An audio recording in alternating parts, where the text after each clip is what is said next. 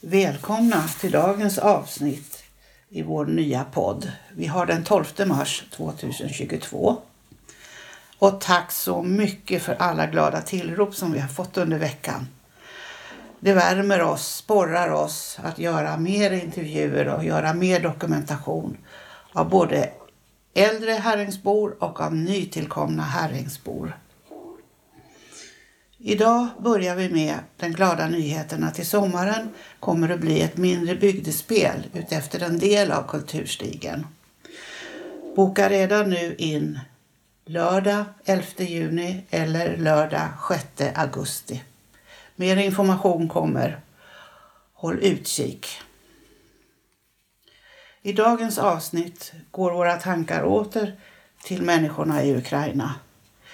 Vi kommer att få lyssna på en uppsats som Ingmarie Carlssons mamma Gerd Johansson skrev 1940 under andra världskriget. Då var hon 13 år gammal. Den följs av ett samtal mellan Barbro och Loa Andersson, även han född och uppvuxen i Herräng. Varmt välkomna! Tack för ert stöd också ekonomiskt, så generöst. Vill ni göra det igen eller nu så kan ni ta kontakt med oss personligen. Eller logga in på Patreon och söka på vykort från Herräng och ge pengar den vägen. Eller swisha på 070 669 3251. Tack på förhand. På bilden här till avsnitt två så ser du en kokvagn. Vad vill en soldat ha efter en lång dagsmarsch? Jo, ett rejält mål mat och en torr säng. Men då ska man först slå läger, gräva kokgropar, plocka fram livsmedel och sen tillaga dem.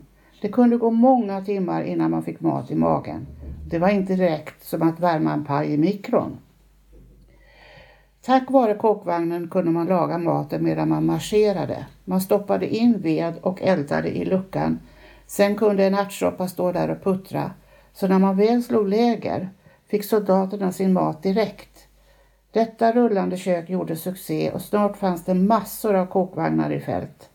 Den största modellen var hästdragen, men senare på 30-talet drogs de av bilar och senare blev de elektrifierade så man inte behövde ta, ta, med, ta med ved. Idén till kokvagnen föddes redan 1804. Man hade en tävling mellan två olika prototyper där man testade att koka ärtsoppa på båda och valde vagnen som smakade bäst. Men av någon anledning blev den aldrig massproducerad utan det dröjde fram till 1916 innan vagnen kom i bruk på allvar. Då såg den ut som på bilden. Den här modellen var sedan i tjänst långt in på 1950-talet. Allt som kunde kokas lagades på den. Soppor, grytor, stuvningar. Vissa vagnar hade även ett köttrum där man hängde upp köttet i väntan på tillagning. Ingmarie Karlsson lärde vi känna i förra avsnittet. Hon är också född och uppvuxen här i Herräng. Här kommer hennes mammas uppsats från 1940 så välkomnar vi dig och du vill börja läsa en eh, uppsats som din mamma skrev. Och den heter Luftskyddets dag i Herräng den 24 november 1940. Och det jag reagerar på första det är ju att det är den 24 november där är, är vår äldsta dotter född. Mm. Det datumet. Ja. Mm. Luftskyddets dag har ju blivit ett gemensamt begrepp över hela Sverige. Luftskyddet har uppkommit genom att det är så oroligt i Europa. Och det till exempel skulle vara, om det till exempel skulle vara krig i vårt land och det skulle komma flygplan och släppa bomber ska luftskyddet motverka anfallet. Bomberna är dels brandbomber och dels minbomber. Brandskyddet spanar om bomberna är brandbomber eller om det, har om det har tänt någonstans. Det försöker då avvärja faran att det ska bli eldsvåda. Likadant är det med minbomber och gasbomber. Söndagen den 24.11 var det luftskyddets dag i Herräng. Både män och kvinnor fick vara med på övningarna. Landsfiskalen från Väddö var också här och åsåg övningarna. I hans sällskap var major Lövgren ifrån Stockholm. Major Lövgren skulle hålla föredrag, visa skioptikonbilder efter övningarna. Därefter skulle vi intresserade få se två filmer. Föredraget skulle handla om finska kriget. Luftskyddets dag i Herräng började med flyglarm då alla som bodde i närheten av, skydd, av skyddsrummet skulle springa dit. Det skulle vara där på tio minuter men det måste springa, det fick inte cykla. Då hade det blivit så mycket cyklar att man inte hade kommit in i skyddsrummet. Efter en halvtimme blåstes faran över. Då samlades åskådare till skolgården. Därefter sprängdes tre stycken brandbomber och i ett litet hus började det brinna. Husbrandvakterna skyndade till och släckte elden. De fingo ha gasmaskerna med sig fast de behövde inte ha dem på sig. Fyra vattenhinkar och en spruta hörde till, hörde till utrustningen. Sprutan var en liten handspruta som de fingo sätta ned i, ned i hinken och pumpa upp vattnet. Sedan fick de ha spade och yxa för att bryta upp golvet med och se om det är någon gnista kvar under golvet. När elden var släckt, släckt exploderade en bomb och det var två stycken som blev skadade. Den ene i huvudet och den andra hade blivit av, av brutit av sig benet. En ordonnans avlämnar rapport om att två stycken har blivit skadade. Två samariter och fyra stycken sjukbärare skyndade till deras hjälp. Samariterna lägga ett första förband sedan de hade förbundit dem fick de som skulle bära bårarna också vara med. De fingo då bära dem till skolan där landsfiskalen synade förbandet. När han fick se dem fick samariterna beröm för att de hade förbundit dem så väl och så fort. Ett nytt bombnedslag hördes. Det brinner i skolan ropas det. Det är människor som är instängda i övre våningen. Brandkåren anländer för att släcka elden. Det var många raska karar som visade stor snabbhet. Det var tio stycken brandmän. De hade bil. Somliga fick åka och andra fick cykla efteråt. Motorsprutan placerade de vid en liten gruva som de pumpade upp vatten ur. De hade många slangar som de måste fästa ihop. De hade två slangar på baksidan av skolan och två på framsidan som de sprutade skolan med. Det var ju inte alla som skötte om sprutan utan somliga fäste ihop små stegar till en lång stege som de reste upp mot skolan varefter de klättrade in till de instängda. Det var en som var gasförgiftad och på honom satte det en sele med en lång lina och hissade ner honom längs väggen. Han var alldeles avsvimmad så de måste behandla honom med konstgjord andning. När de hade gjort det en stund kvicknade han till och blev kry igen. Det var en till som hade gjort illa sig i armen men de lade förband med en trekantig förbandsduk. När de då hade sprutat tillräckligt med vatten fortsatte de med en annan övning medan brandkåren rullade ihop alla slangarna och lade upp dem på bilen. Nästa övning var det gasbomber som sprängdes och gummiklädda män som var ute och markerade var gasen fanns. Det var senapsgas. När de hade markerat färdigt skulle de förstöra ga gasen så att ingen skulle bli skadad. Sedan blev de avgasade i Herrängs badhus. Därefter var det slut på övningarna. Klockan halv fem höll major Lövgren föredrag med Skioptikonbilder i Folkets hus. Detta var en intressant dag i Herräng som, som samlade intresserade år, åhörare.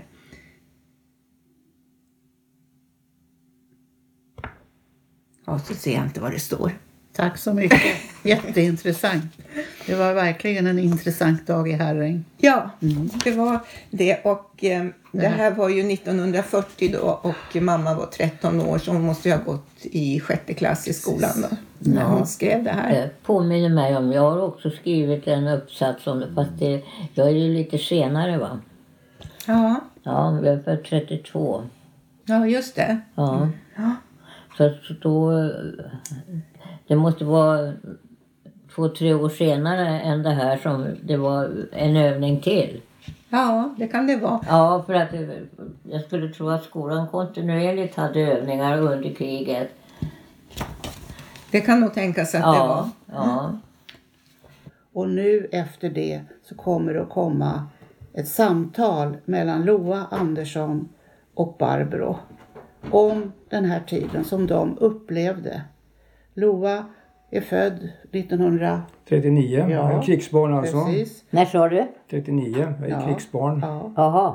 Och Barbro har några år, mera år på nacken, född 32. Eh, så ett litet samtal kring hur ni upplevde.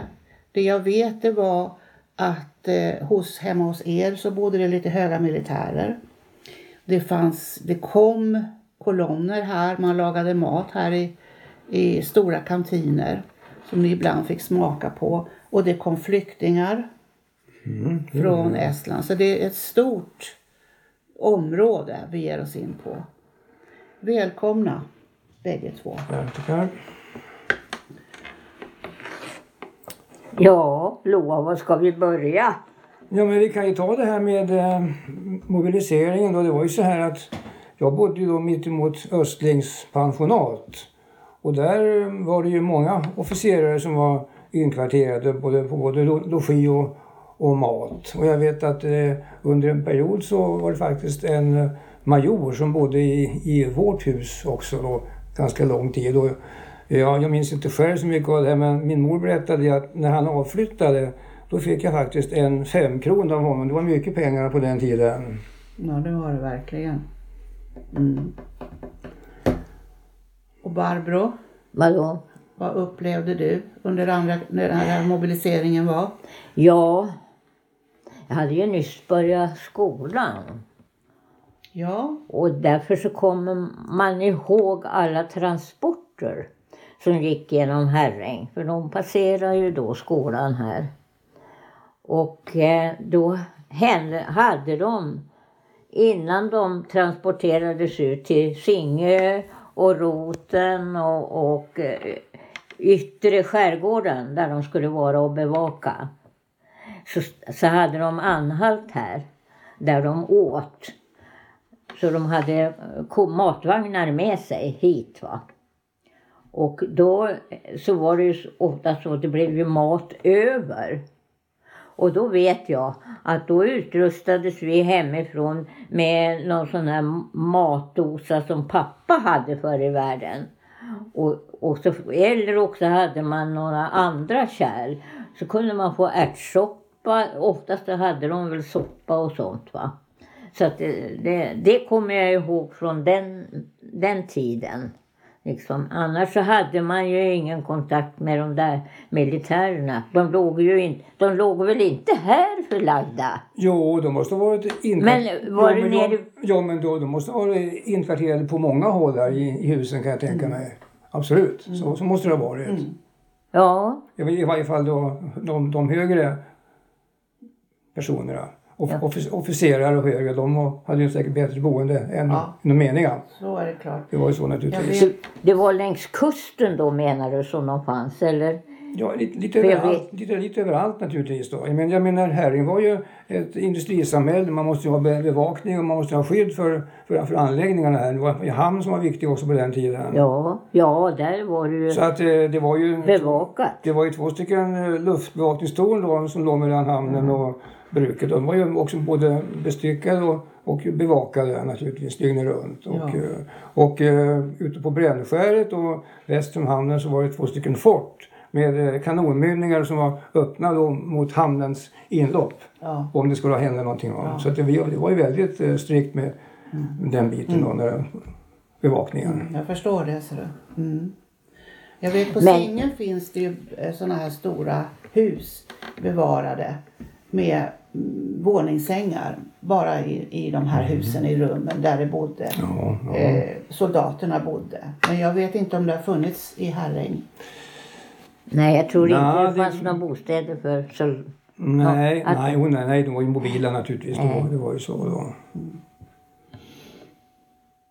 Däremot så var det ju så att eh, eh, många familjer, papporna i många familjer var ju inkallade till olika regementen som de var stationerade på. Och jag vet att pappa var någonstans nere i Östergötland. Och det, det- det innebar ju eh, liksom lite svårigheter för familjen hemma, Oh, så ja. att säga. Mycket stora svårigheter. Vi hade ju lika, likadant.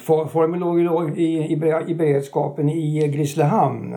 Ja. Och när han hade permission så kom han hemcyklande. Och jag hade sagt till tillfälle, titta mamma här kommer en militär. Ja. Och jag hade ingen aning om det var pappa som kom hem. Va? Nej, ja. Men en sak som han gjorde där borta, han var ju så påhittig och fyndig så att jag vet inte hur han var så åt när han låg där borta. Men han, han tillverkade ett fint flygplan av trä som jag fick av honom i present. Jag har det kvar fortfarande. Väldigt fint.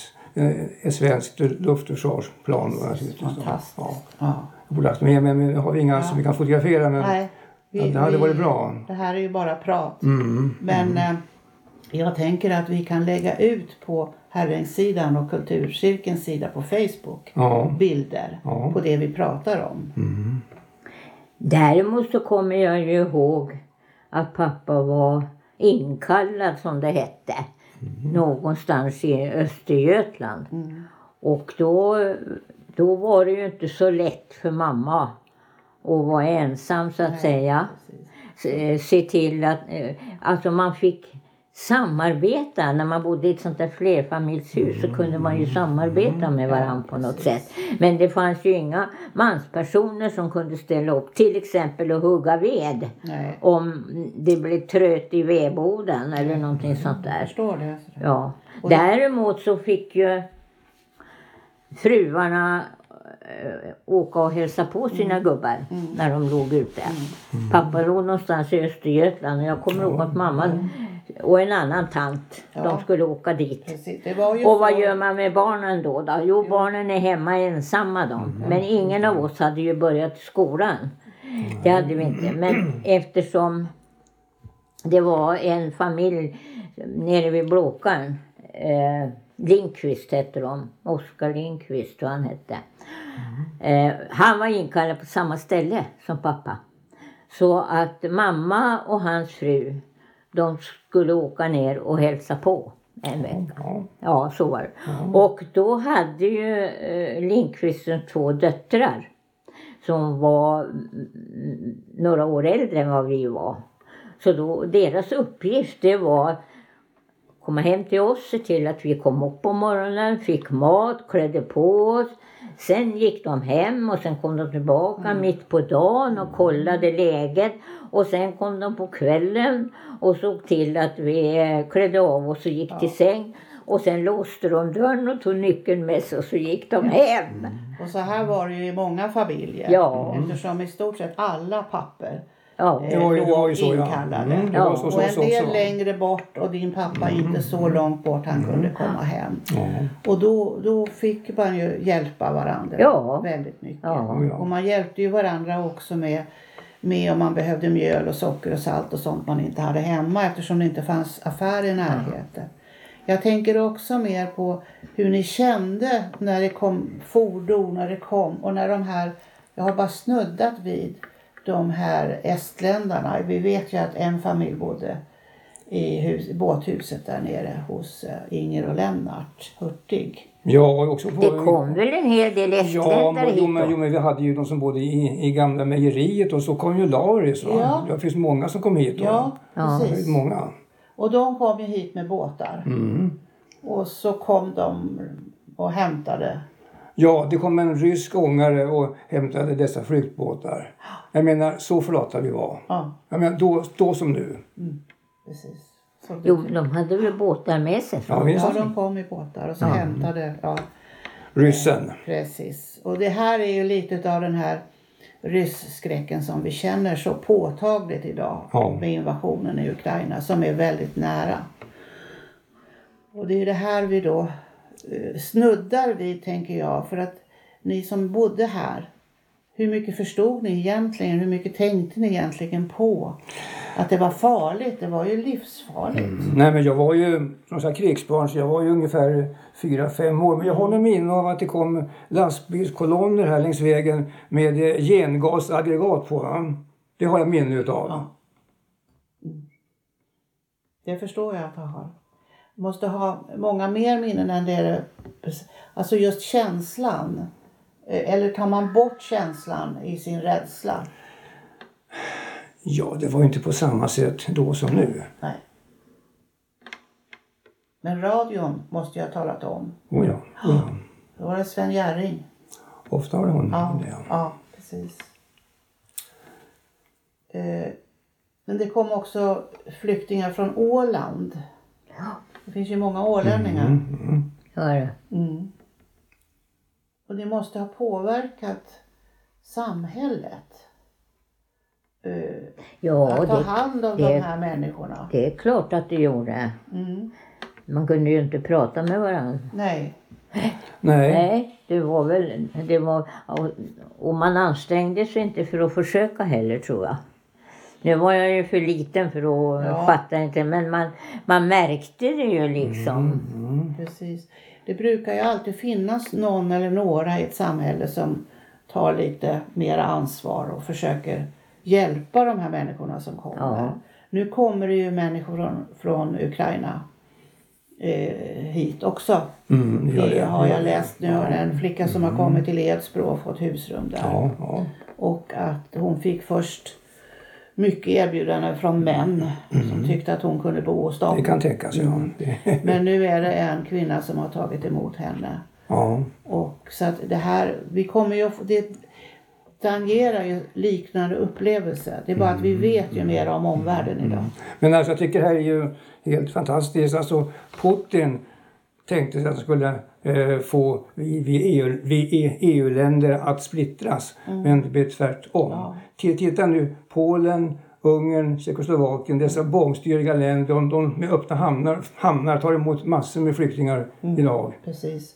Det är Och det är- fantastiskt alltså hur man kan ändra sig. För det är ju så det är eh, för oss människor att när någon så att säga pekar på oss då går vi samman. Oavsett vad vi tyckte om varandra igår så går vi samman och så.